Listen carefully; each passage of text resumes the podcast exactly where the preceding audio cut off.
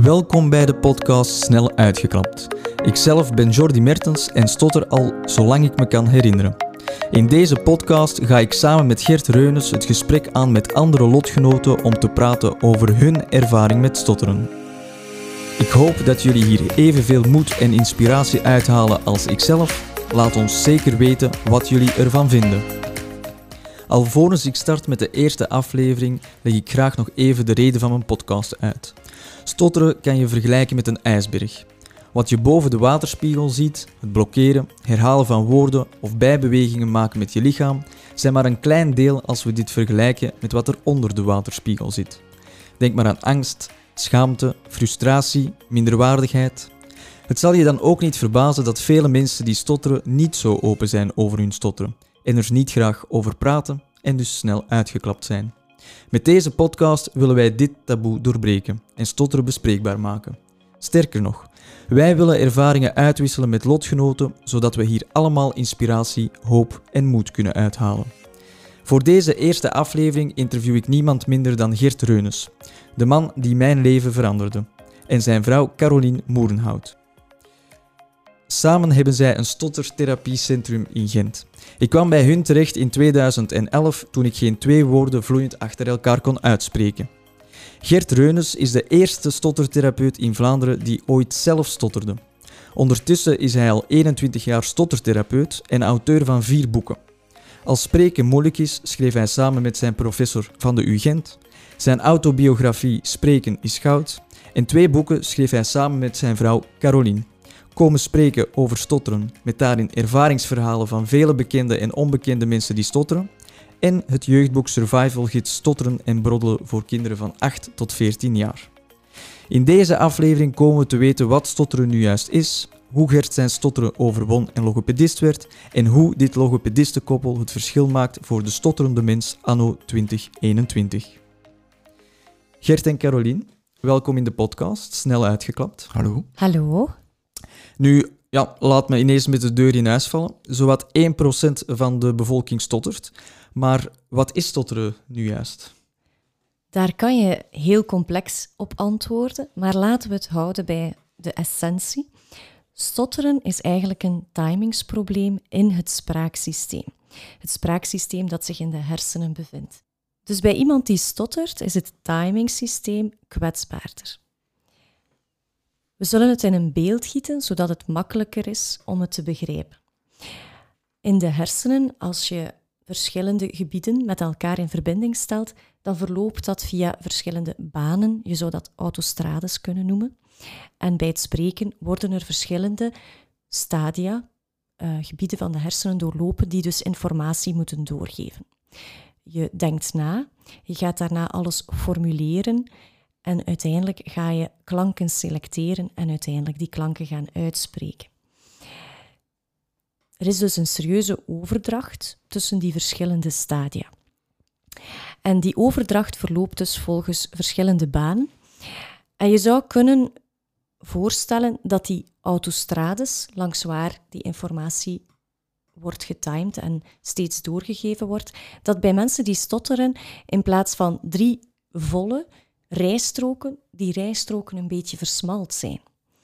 Wat wil zeggen dat als je in een vlot, rustig verkeer zit, dus een heel rustig, aangenaam, ontspannen gesprek, dat op dat moment de kans heel groot is dat je op dat moment vlot je spraak gaat kunnen timen.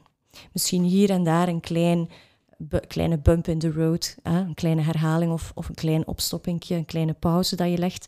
Maar op zich verloopt de timing van jouw gesprek, van jouw spreken op dat moment vrij vlot.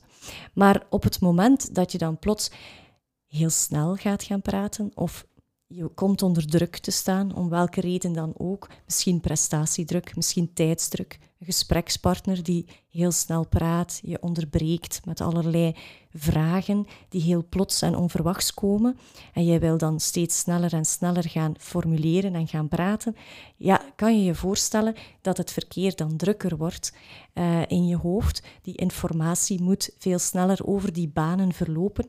En op dat moment ontstaan er files in het hoofd, bij wijze van spreken. Je komt al rapper eens in een botsing terecht of je komt al sneller eens vast te zitten.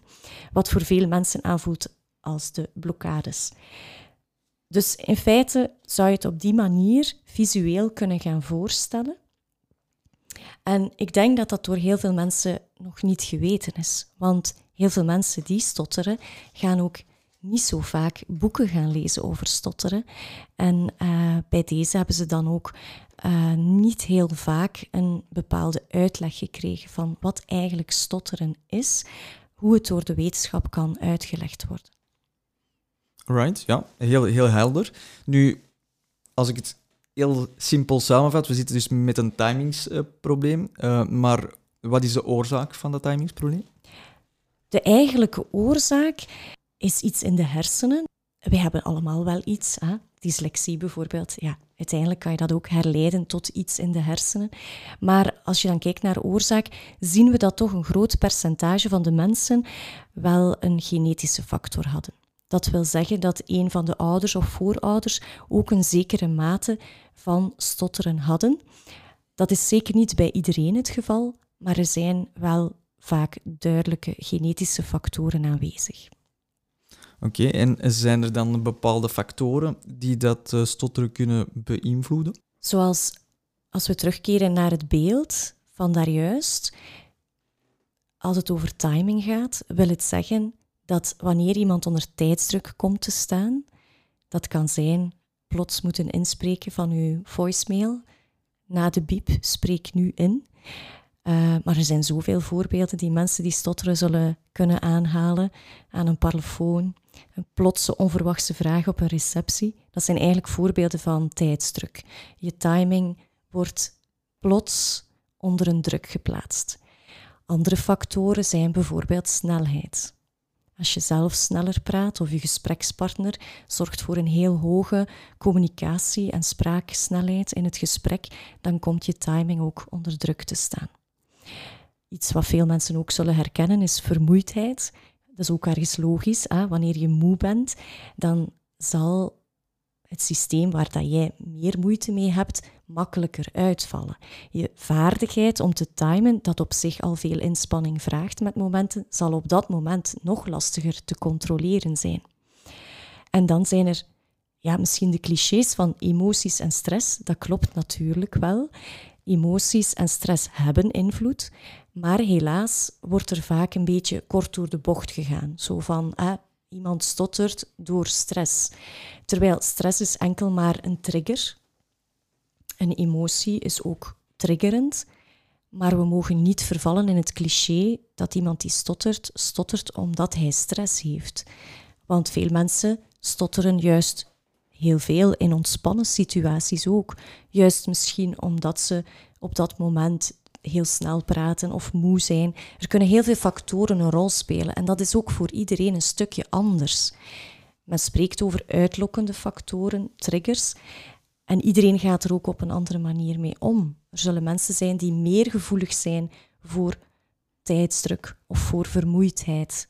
Nu ja, ik kan u daar inderdaad alleen maar uh, gelijk in geven. Uh, ik, alle factoren zijn eigenlijk heel, heel herkenbaar, ook, ook voor mij.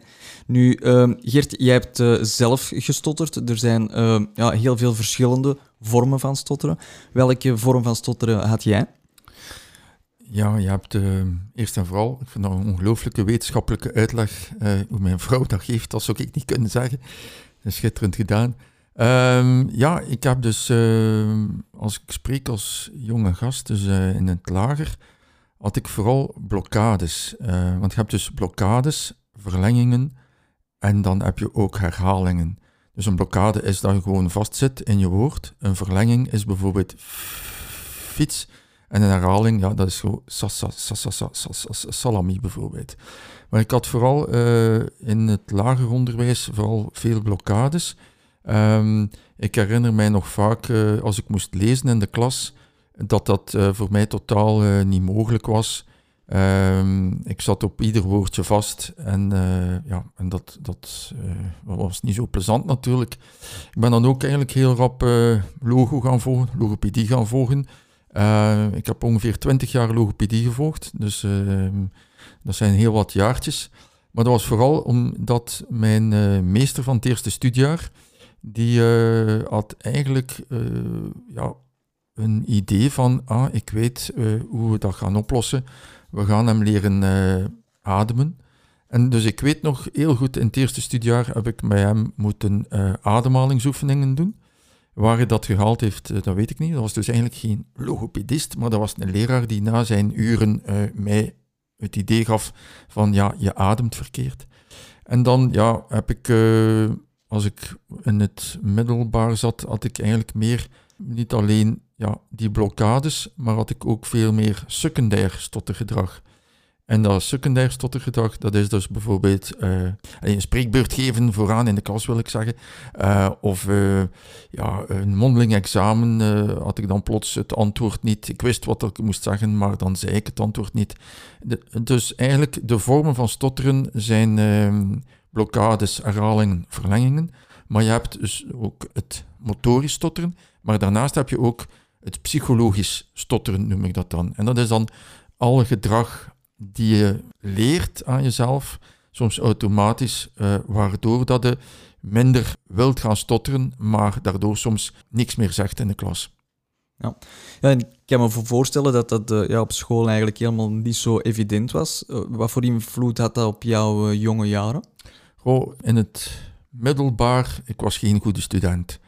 En de enige reden was, ik zat niet goed in mijn vel in de klas. In het lager viel dat nog eigenlijk goed mee. Je zit altijd ieder jaar zitten in dezelfde klas met dezelfde leerlingen. Ga je over naar het volgende jaar en naar het volgende jaar. En je voel je daar veilig. Maar het middelbaar was absoluut niet meer zo veilig. En ja, daar uh, heb ik dus echt wel uh, heel slecht gescoord. Uh, zowel op het vlak van studeren, maar ook op het vlak van spreken. Dus ik ging niet mee op schoolreis. Ik heb mijn vijfde jaar twee keer gedaan, mijn zesde jaar twee keer gedaan. En niemand zag de reden waarom het niet lukte. Eh, want ik was eigenlijk wel verstandig genoeg om te studeren, maar ik studeerde eigenlijk niet. Ik had wel een gelukkig een hele grote uit, uitlaatklep. Uh, ik, heb, ik was een beetje sportman. Ik heb gebasket bij Hellas Gent dan nog op latere leeftijd. Ik wou in eerste klasse spelen. En dus ik had eigenlijk twee levens. Mijn leven op school, wat dat echt soms vechten was op de speelplaats. En mijn leven in de sport, waar ik applaus kreeg en succesvol was. En als ik mij goed herinner dat ik, uh, ja, als ik uh, moest sporten en uh, de training moest doen, ja, had, ik, had ik daar een heel rustig gevoel bij. En herinner ik mij wel vlotte momenten in het spreken. Maar bijvoorbeeld in Tumaniora, ja, dat was een beetje een hel voor mij. Ja, nu, uiteindelijk na ja, vele jaren bent je dan toch uiteindelijk terug logopedie gaan volgen. Wat, wat was daar dan juist de trigger voor om dat toch opnieuw te proberen? Goh, dat is eigenlijk uh, heel raar gezegd, maar uh, ik zat toen in een relatie die niet goed liep. En ik kreeg voor mijn verjaardagsgeschenk, uh, kreeg ik zo twee weekendjes in Nederland logopedie gaan volgen. Voor het eerst ervaarde ik dat spreken niet zo moeilijk was uh, voor mij dan, als je ja, iets deed rond het spreken zelf. Uh, dus ik heb eigenlijk in die logopedie, uh, in mijn jonge jaren, ik heb dus twintig jaar logopedie gevolgd, daar heb ik heel veel zaken geleerd, maar ik heb nooit een ervaring gehad over ja, hoe het voelt als je vlot spreekt. En in Nederland was dat plots, dat wij ja, zaten dus ja, die logopedie in, in in de jonge jaren is, is ook maar een half uur in de week. Hè. Dat is niet veel. Maar bijvoorbeeld uh, in Nederland, dat was dus drie dagen, waar dat je dus van alles leerde. En plots kreeg ik de ervaring van, tja, als ik hiervoor ga oefenen en ik ga me daarvoor inzetten, dan gaat mijn spreken steeds meer en meer verbeteren. En uh, ja, uiteindelijk was dat voor mij ja, dan ook de aanzet om dan later uh, verder te gaan studeren voor logopedist. Ja, en hoe juist uh, verschilde dan eigenlijk die uh, methode die dat je daar uh, ja, aangeleerd hebt? Wat is daar juist het verschil met die klassieke logopedie die je vroeger volgde? Wel, in Vlaanderen is er jarenlang één stroming gedaan geweest van logo voor mensen die stotteren. En ze noemen die stroming stuttering modification. Dat wil zeggen, als je op een bepaald moment een stotter hebt, moet je iets doen. Bijvoorbeeld gentle onset is bijvoorbeeld zachtjes inglijden bijvoorbeeld. Is zoiets, je voelt die stotter aankomen en op die moment gaat hij iets ingrijpen. Nu, in Nederland was dat een heel andere methode en dat noemen we in de stroming, dat noemen ze fluency shaping. dus iemand opnieuw laten vlot leren spreken, waardoor dat je, uh, dus op voorhand ga je iets, iets doen. Je gaat anticiperen op je stotters en je voelt als het ware, tja, ik ga niet meer stotteren als ik die en die, die dingen doe. En dat was voor mij ja, een, een, uh, ja, een, een mirakel een beetje, dat ik na, laat ik zeggen, twee dagen plots voor een groep stond, want dat was mijn groep in Nederland, en ik sprak daar en ik sprak vlot. En in Vlaanderen hebben we dat nooit gezien. Dat was altijd maar stuttering modification. En, en dat ligt uh, voor mij nogal heel gevoelig, omdat in Nederland uh, en in de omringende landen zijn er verschillende methodes. Uh, je hebt dus die twee stromingen, maar in ons land, ja, die werd iedereen onderricht in die ene uh, methode die ik een beetje de klassieke logopedie noem voor stotteren. Ja. Gelukkig is het zo dat de laatste jaren er meer en meer toenadering is van de verschillende stromingen. Vroeger was er een, uh, ja, hoe zou ik zeggen, waren er zo twee kampen. Ofwel behoorde je tot de stutter modification, ofwel behoorde je tot de fluency shaping. Maar ik denk dat het een meerwaarde is voor mensen die stotteren als zij ten eerste al geïnformeerd worden dat er strekkingen zijn, maar natuurlijk ook dat men de mogelijkheid heeft om te experimenteren met verschillende strekkingen, verschillende technieken, verschillende visies. En dat je dus een combinatie van meerdere dingen aangeboden krijgt en kan gaan zoeken of dit bij jou past. En op die manier denk ik dat het heel interessant is om eigenlijk zowel een combinatie van fluency shaping als stuttering modification te leren kennen. En ik denk wel, Gert, dat je uh, gelijk hebt dat die fluency shaping echt wel op de kaart moest gezet worden in Vlaanderen. Um, en dat je dat ook gedaan hebt en dat je daarvoor gestreefd hebt van, kijk, dit is een hiaat hier in België. In de omringende landen was er meer aandacht voor fluency shaping. En dus terecht werd fluency shaping meer op de kaart gezet. Um, en uh, ik denk dat daar veel mensen blij om zijn en dat dat ook wel uh, noodzakelijk was. Nu Gert, um, ik heb gelezen uh, in jouw boek Spreken is Goud. Prachtig boek trouwens, enorm herkenbaar voor, voor mezelf ook. Dat je eigenlijk naast die logopedie eigenlijk ook nog een spreekdagboek bijhield. Dat is iets wat ik zelf nog nooit gedaan heb. Kan je misschien aan mij en aan de luisteraar toelichten waarom je dat juist deed?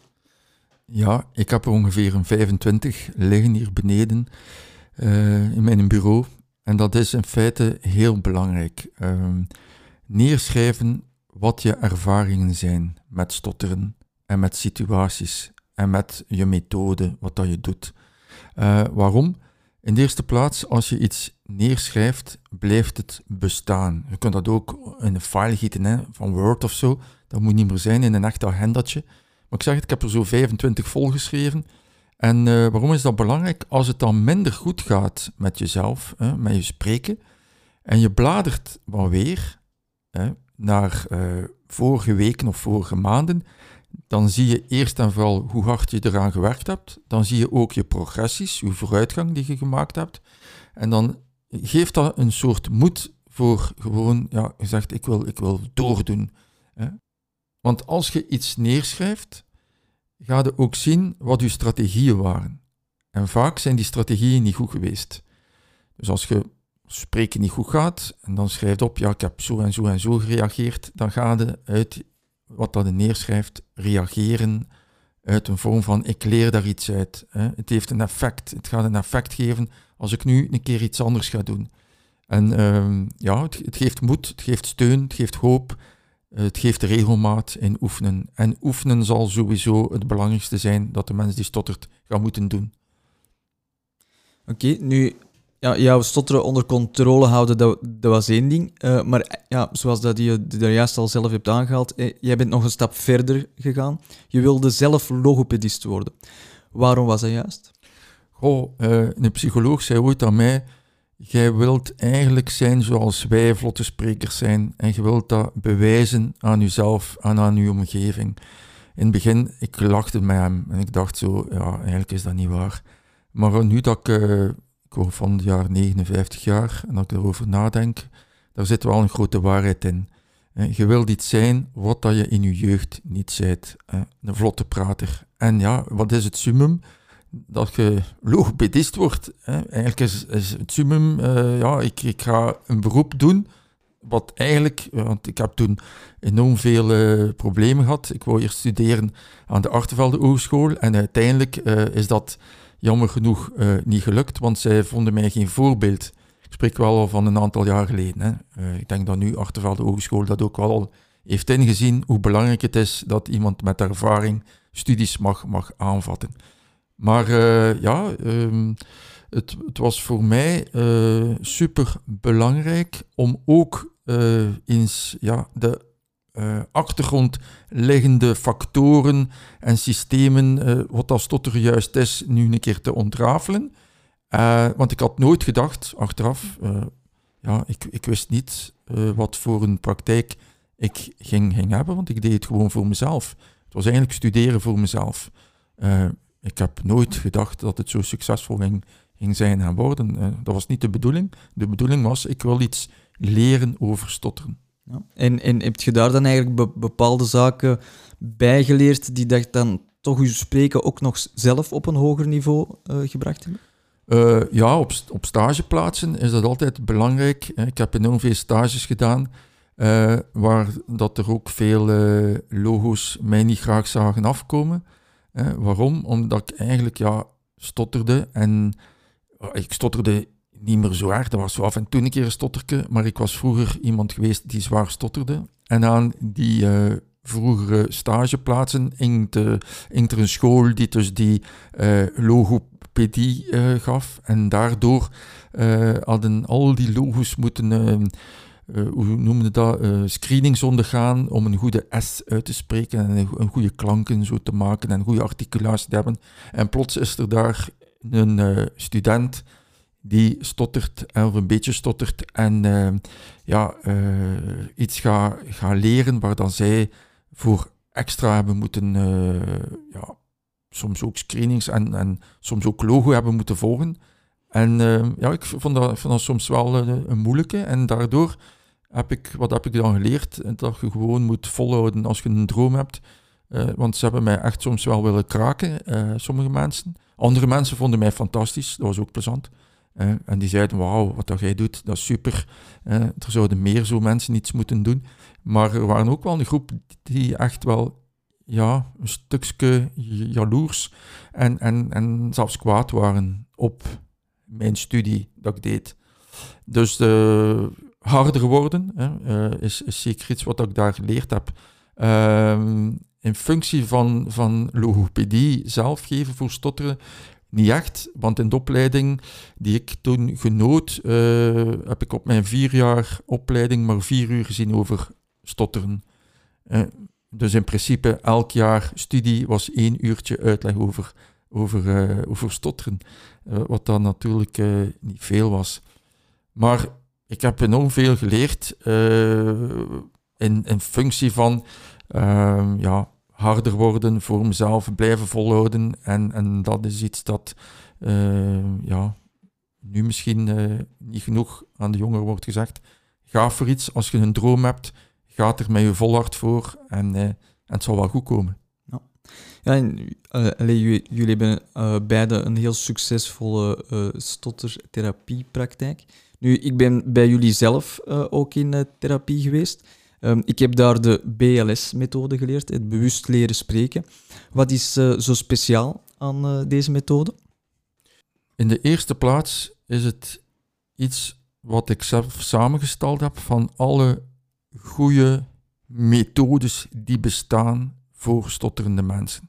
Zowel in functie van de fluency shaping stroming, wat ik daar juist vertelde, als de stuttering modification stroming. Dus ik wil zeggen, al wat daar goed werkt, evidence-based is, uh, hebben we samengegoten, we hebben daar een mix van gemaakt. En dus BLS staat niet alleen voor trager spreken.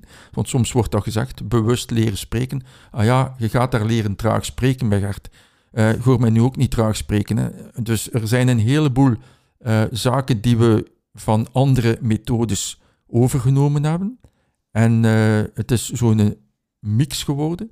En waarbij de cliënt super centraal staat. Dus wij, wij werken op maat. Dus iedere cliënt is voor ons zeer belangrijk. Dus we gaan niet in groepen werken.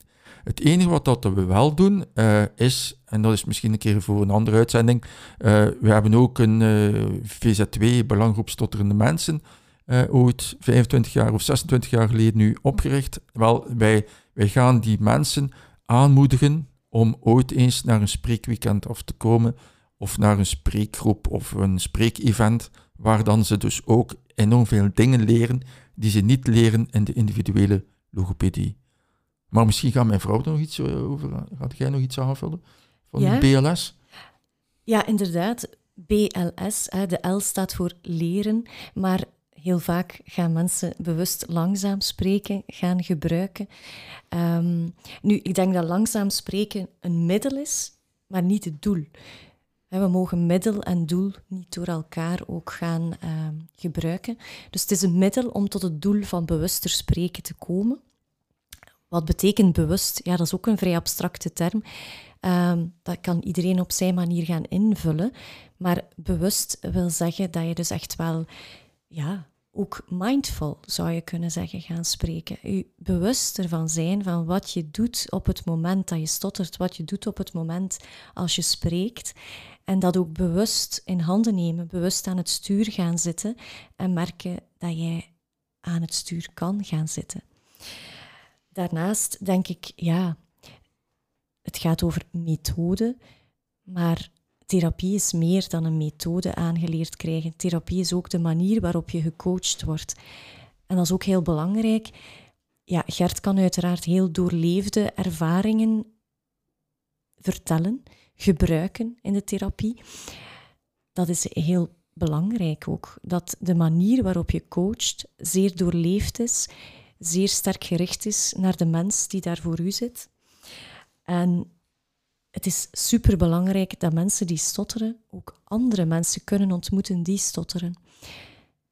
Wat dat er ook misschien uh, een kleine aanvulling, dat wat dat we inderdaad uh, hier ook hebben in ons centrum, is het is een roeping. Het is niet een job. En een roeping maakt heel veel mogelijk. Als ik op zondag om zes uur gebeld word door iemand, uh, dan ga ik afnemen. En een roeping is zeer belangrijk. Waarom? Je maakt een klik met je cliënt. En de cliënt voelt direct, uh, ah, hier zit ik in een warme omgeving die werkt voor mij. En niet, uh, ah ja, ik ben een van de zoveel die zoveelste keer moet ergens logopedie gaan volgen. Uh, je wordt daar eens opgenomen in een, in een sfeer die een beetje uniek is. En dat is ook BLS. het is een soort filosofie het is niet inderdaad een beetje trager spreken. Het is de, de whole way. Hè. Wij, wij, wij, doen niet alleen uh, logopedie geven, maar wij gaan ook bijvoorbeeld ja, zuiver geëngageerd mee op een spreekweekend.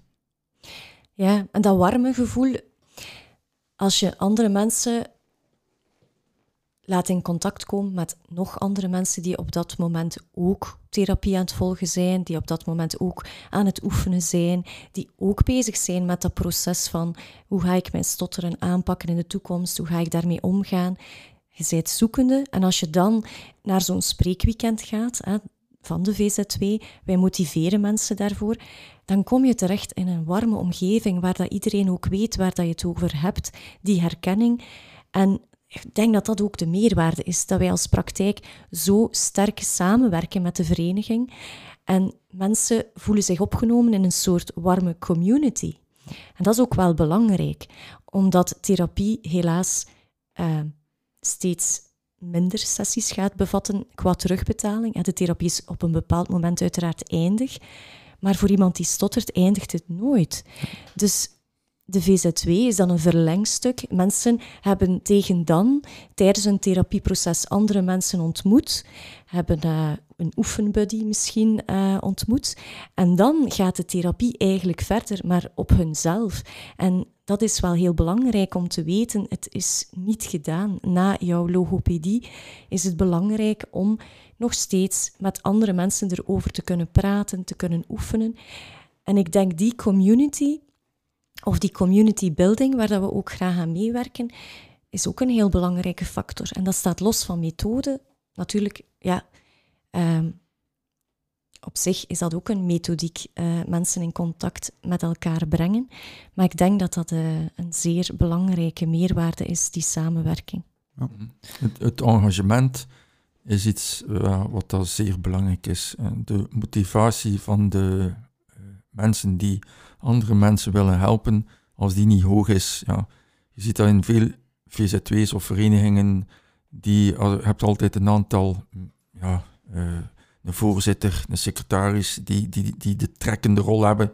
En de andere mensen die hebben het geluk dat er een aantal mensen gemotiveerd zijn om zo die trekkende rol te spelen. Wel, onze, onze roeping is in feite ja, uh, andere mensen helpen. En dat zie je niet alleen dan in die logopedie, maar dat zie je dan ook in die, in die VZW, waar dan we dus ook uh, ja, 25 jaar ons vo volledig voor geven. Ja. ja, ik ben in, in, inderdaad zelf ook al uh, ja, op die spreekweekends uh, geweest. En in, inderdaad, het, het, het, gevoel dat je daar hebt, het, het feit dat je ervaringen met elkaar kunt delen, dat is een, ja, een, een, een heel uniek uh, gegeven. Nu, nog eens heel even over Misschien die... even vermelden, wat dat heel belangrijk is, is dat mensen moeten weten dat die weekenden voor iedereen zijn. Dus ook mensen die niet bij ons therapie volgen. Mensen die ergens anders logopedie volgen, bij hen in de streek. Of mensen die misschien helemaal geen therapie volgen. Um, die weekenden, ja, die staan los van onze praktijk. Dus ik vind het wel belangrijk dat mensen dat weten, want veel stottertherapeuten zouden gerust hun cliënten kunnen informeren, iets wat nu te weinig gebeurt, van kijk, ja, binnenkort is de therapie eindig, maar weet je, of liefst nog tijdens de therapie natuurlijk, vertellen dat er een community bestaat, een vereniging bestaat, waar je terecht kan, waar je meer de kans krijgt om te oefenen in een groep, wat in een therapielokaal moeilijk te realiseren is. En dat vind ik ook wel belangrijk om even te melden. Uh, dat dat eigenlijk toegankelijk is voor iedereen, dat dit losstaat uh, van onze praktijk. Maar natuurlijk hebben wij nauwe samenwerking met de vereniging. Ja, en als, als, uh, als persoon die dat stottert zelf heb ik ook gemerkt, het is helemaal anders of dat je een uh, therapie volgt waar je één op één gesprekken hebt, of dat je effectief in groep zaken moet gaan doen. Dus het feit dat je daar ja, toch ook een beetje de, de uitdaging enerzijds hebt, maar de appreciatie van de deelnemers anderzijds, ja, dat, dat is inderdaad een, een, een unieke uh, situatie. Nu, als we het nog eens even over die, over die BLS-methode hebben, hoe, hoe dat ik dat altijd uitleg aan mensen dat vragen van ja, wat doet je dan exact? Um, dan zeg ik van ja, ik focus me op snelheid, ritme en intonatie. Um, daar is één hersenhelft mee bezig. Uh, en doordat hij er zodanig mee bezig is, kan die geen signaal sturen, zeg ik dan altijd, uh, die dat in tegenfase is, waardoor dat ik een blokkade dat, ik probeer dat altijd heel simpel uit te leggen. Is dat een juiste uitleg of zegt je, Jordi, stop ermee, want het klopt niet? Goh, ik denk, het is misschien geen kwestie van juist of fout. Het is inderdaad niet gemakkelijk om aan een leek, iemand die zelf niet stottert, uit te leggen hoe dat, dat voor u voelt, hoe dat, dat werkt. En als dat voor u zo voelt, van kijk, ik let op mijn intonatie, ik let op mijn snelheid en timing. En daardoor heb ik het gevoel dat ik geen blokkades heb, uh, dat mijn focus anders ligt. Dat is misschien ook wel een goede uitleg. Maar voor iemand die zelf niet stottert, is het inderdaad niet gemakkelijk om te begrijpen hoe het voor jou voelt en hoe jij dat dan exact aan het aanpakken bent. Uh, maar ik denk wel dat het belangrijk blijft om het uit te leggen, het te proberen uitleggen hoe het voor u voelt. Ja. Ja, ja en, en het geeft dan ook een beter begrip als ik dan bepaalde zaken misschien op een andere manier zou verwoorden, dat ze wel weten van, ah ja, nu dat je het hebt uitgelegd, horen we het dat je inderdaad iets, iets, ja, net iets anders doet, uh, waardoor dat je dan wel ja, resultaat hebt. Nu, Anderzijds kan dat natuurlijk ook een, uh, een, verwachting creëren dat zij denken van, ah, voilà, je hebt zo'n knopje hè, en je moet dat maar aanzetten en voilà, dan kun je ervoor zorgen dat je niet blokkeert. Hè. Dus heel veel mensen gaan, dat, gaan daar misschien wel kort door de bocht mee om. Dat is heel moeilijk om aan hen ook uit te leggen dat dat niet een knopje is. Nee, nee en, en, dat het vooral ook iets is wat dat niet altijd even makkelijk werkt. Hè? Want we hebben het er straks over die factoren gehad. Uh, ja, die factoren die beïnvloeden en je hebt inderdaad de methode gevonden, maar die factoren zijn er nog. Hè? Dus uh, die, die verdwijnen natuurlijk niet. Je kunt nog net zo goed met je auto zo goed kunnen rijden. Je kunt alle rijcursussen en slipcursussen gevolgd hebben. Maar als uh, het extreme weersomstandigheden zijn, bij wijze van spreken, dus extreme gespreksomstandigheden, of grote vermoeidheid, of grote prestatiedruk, ja, inderdaad, het is niet omdat je strategieën leert, dat je daarom bestand bent tegen al die soms heel onverwachte factoren. Ja. Nu, ja, dat vind ik wel een hele belangrijke voor even wat dieper op, op in te gaan. En jullie hebben gedurende de jaren heen verschillende cliënten gezien. Zijn er specifieke eigenschappen die belangrijk zijn um, om iets aan je stotteren te kunnen doen? Um, ja, ik wil er wel op antwoorden. Uh, het is niet zo simpel om hier te gaan uh, een heleboel eigenschappen te gaan opnoemen. Maar er zijn toch wel een aantal zaken uh, die zeer belangrijk zijn. In de eerste plaats is intrinsieke motivatie. Wat wil dat zeggen? Dat is motivatie vanuit jezelf. Jij moet iets willen bereiken. Als die motivatie er niet is, dan mag je nog zoveel logopedie volgen als je wilt. Je gaat niet ver raken. Dus intrinsieke motivatie, uh, dus een wil hebben voor ik wil vooruit gaan met mijn spreken. Dan een andere eigenschap die wel ook belangrijk is, dat is uh, leren een stuk relativeren, rationeler leren worden in het ganse plaatje van stotteren. En dat is een moeilijke. Hè. Dat is zo'n beetje dat principe van de ijsberg. Dus onder de zeespiegel zitten er enorm veel gedachten, emoties, enorm veel emotioneel geheugen die je hebt opgedaan in, de, in je jeugdjaren bijvoorbeeld. En je moet leren eerlijker worden met jezelf. Je moet jezelf leren zien als iemand die mag stotteren. En dat is ook een zeer moeilijke. En dan zeg ik ook altijd, ja, die aanvaarding van je mag stotteren, eh, dat moet je dan misschien zien, als je dat moeilijk vindt, in het nu-moment. Dus nu mag je je stotteren aanvaarden met een visie voor later. Waardoor dat je kunt uh, nog veel, uh, veel vooruitgang boeken, progressie kunt maken. Um, en wat ik ook wel zie, dat is dat ik heb vroeger sport gedaan en um, ik heb toen heel veel moeten trainen, oefenen. Dat was vier à vijf maal in de week, een uur en een half à twee uur trainen. Uh, wat dan belangrijk is, als je iets wilt doen aan je stotteren, ga je sowieso moeten oefenen. En dus ga je moeten volhouden. En als je die zaken zo hebt, in mindere of meerdere mate, want je kunt altijd sterker worden. Je kunt altijd meer gemotiveerd worden. Je kunt altijd meer willen oefenen. Die dingen, voor die dingen zijn wij ook aanwezig. Wij willen het vuur brandende houden van iemand die stottert, waardoor dat hij uiteindelijk ja, gaat werken of het ziet als een hobby. Ik wil iets doen aan mijn spreken. En die eigenschappen vind ik belangrijk. Wat ik daar eventueel kan aan aanvullen is een andere belangrijke eigenschap is u willen openstellen. Openstellen voor ja, te praten over uw stotteren, iets wat je lang in een gesloten doosje misschien gestopt hebt. En plots wordt er wel verwacht dat je openlijk durft aan te halen wat je gedachten en je gevoelens zijn rond je stotteren. En ja, die openheid in het begin is dan natuurlijk naar uw therapeut toe. En na een tijdje wordt er vaak ook gevraagd om open te durven zijn naar, naar andere mensen toe. En tegelijkertijd is eh, een therapieproces ook altijd een enorm zelfconfronterend proces. Je wordt enorm met jezelf geconfronteerd. Dat vraagt wel uh, wat moed en wat motivatie om ja, na te denken over jezelf. Wat wil ik? Hoe ga ik eigenlijk met mijn stotteren om? Waar zitten mijn valkuilen? Ben ik perfectionistisch? Ben ik ongeduldig met mezelf?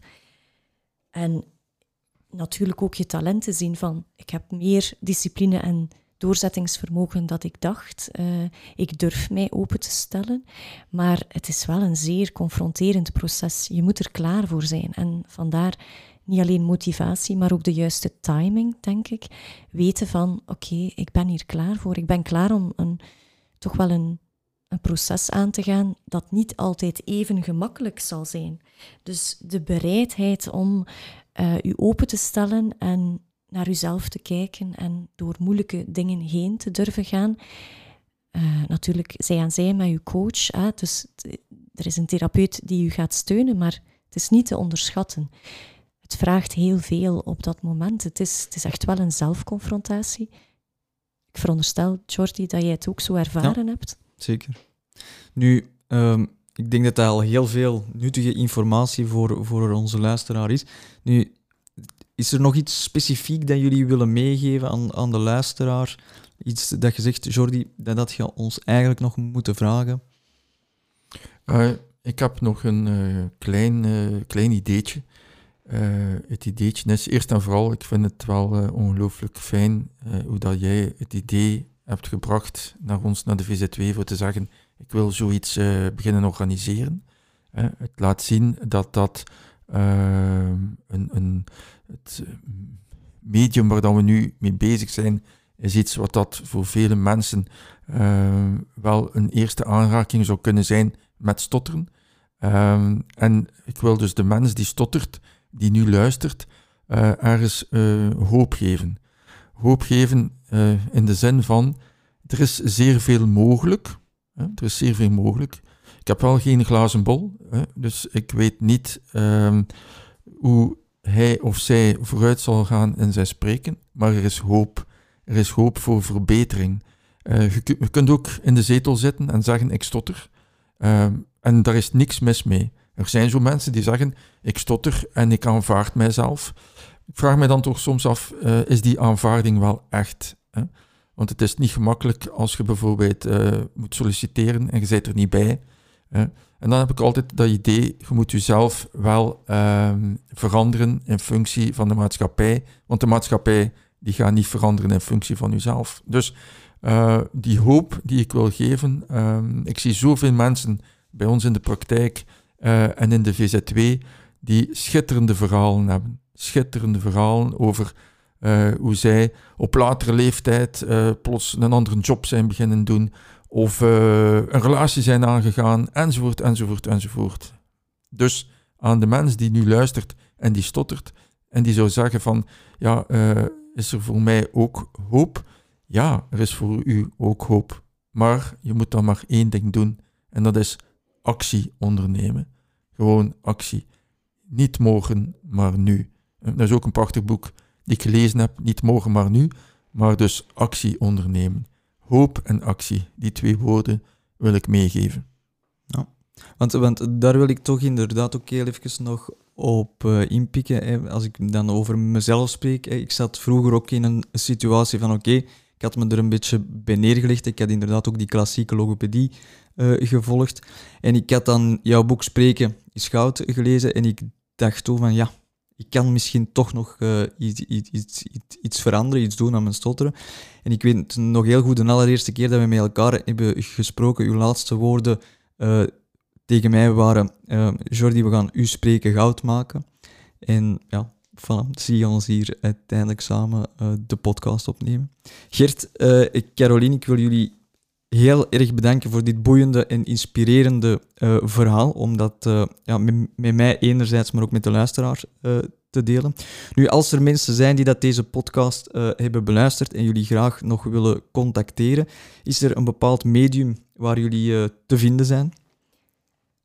Ik denk dat het makkelijkst is om eens te surfen, ofwel ja, wij zelf hebben een website stotteren.be en mensen die geïnteresseerd zijn om andere mensen die stotteren te ontmoeten, om deel uit te maken van een vereniging, een community van mensen die stotteren, kunnen terecht uh, op de website www.vzwbest.be en BEST staat voor Belangengroep Stotterende Mensen, dus de vereniging. En daar is ook een Facebookgroep aangekoppeld, een gesloten Facebookgroep. Hè.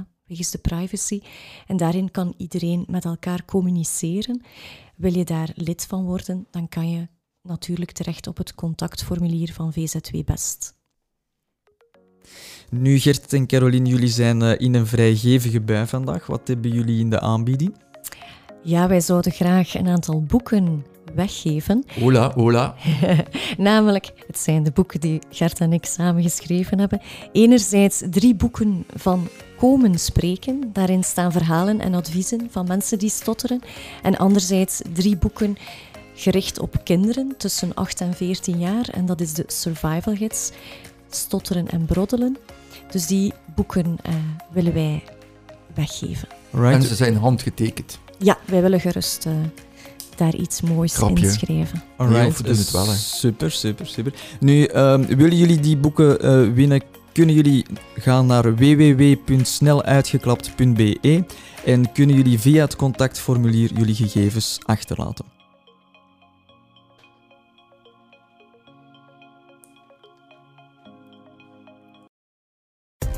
Voor meer info over de Vereniging voor Mensen die Stotteren, ga naar www.vzwbest.be. Zoek je een boek over stotteren, neem dan ook een kijkje op www.stotteren.be.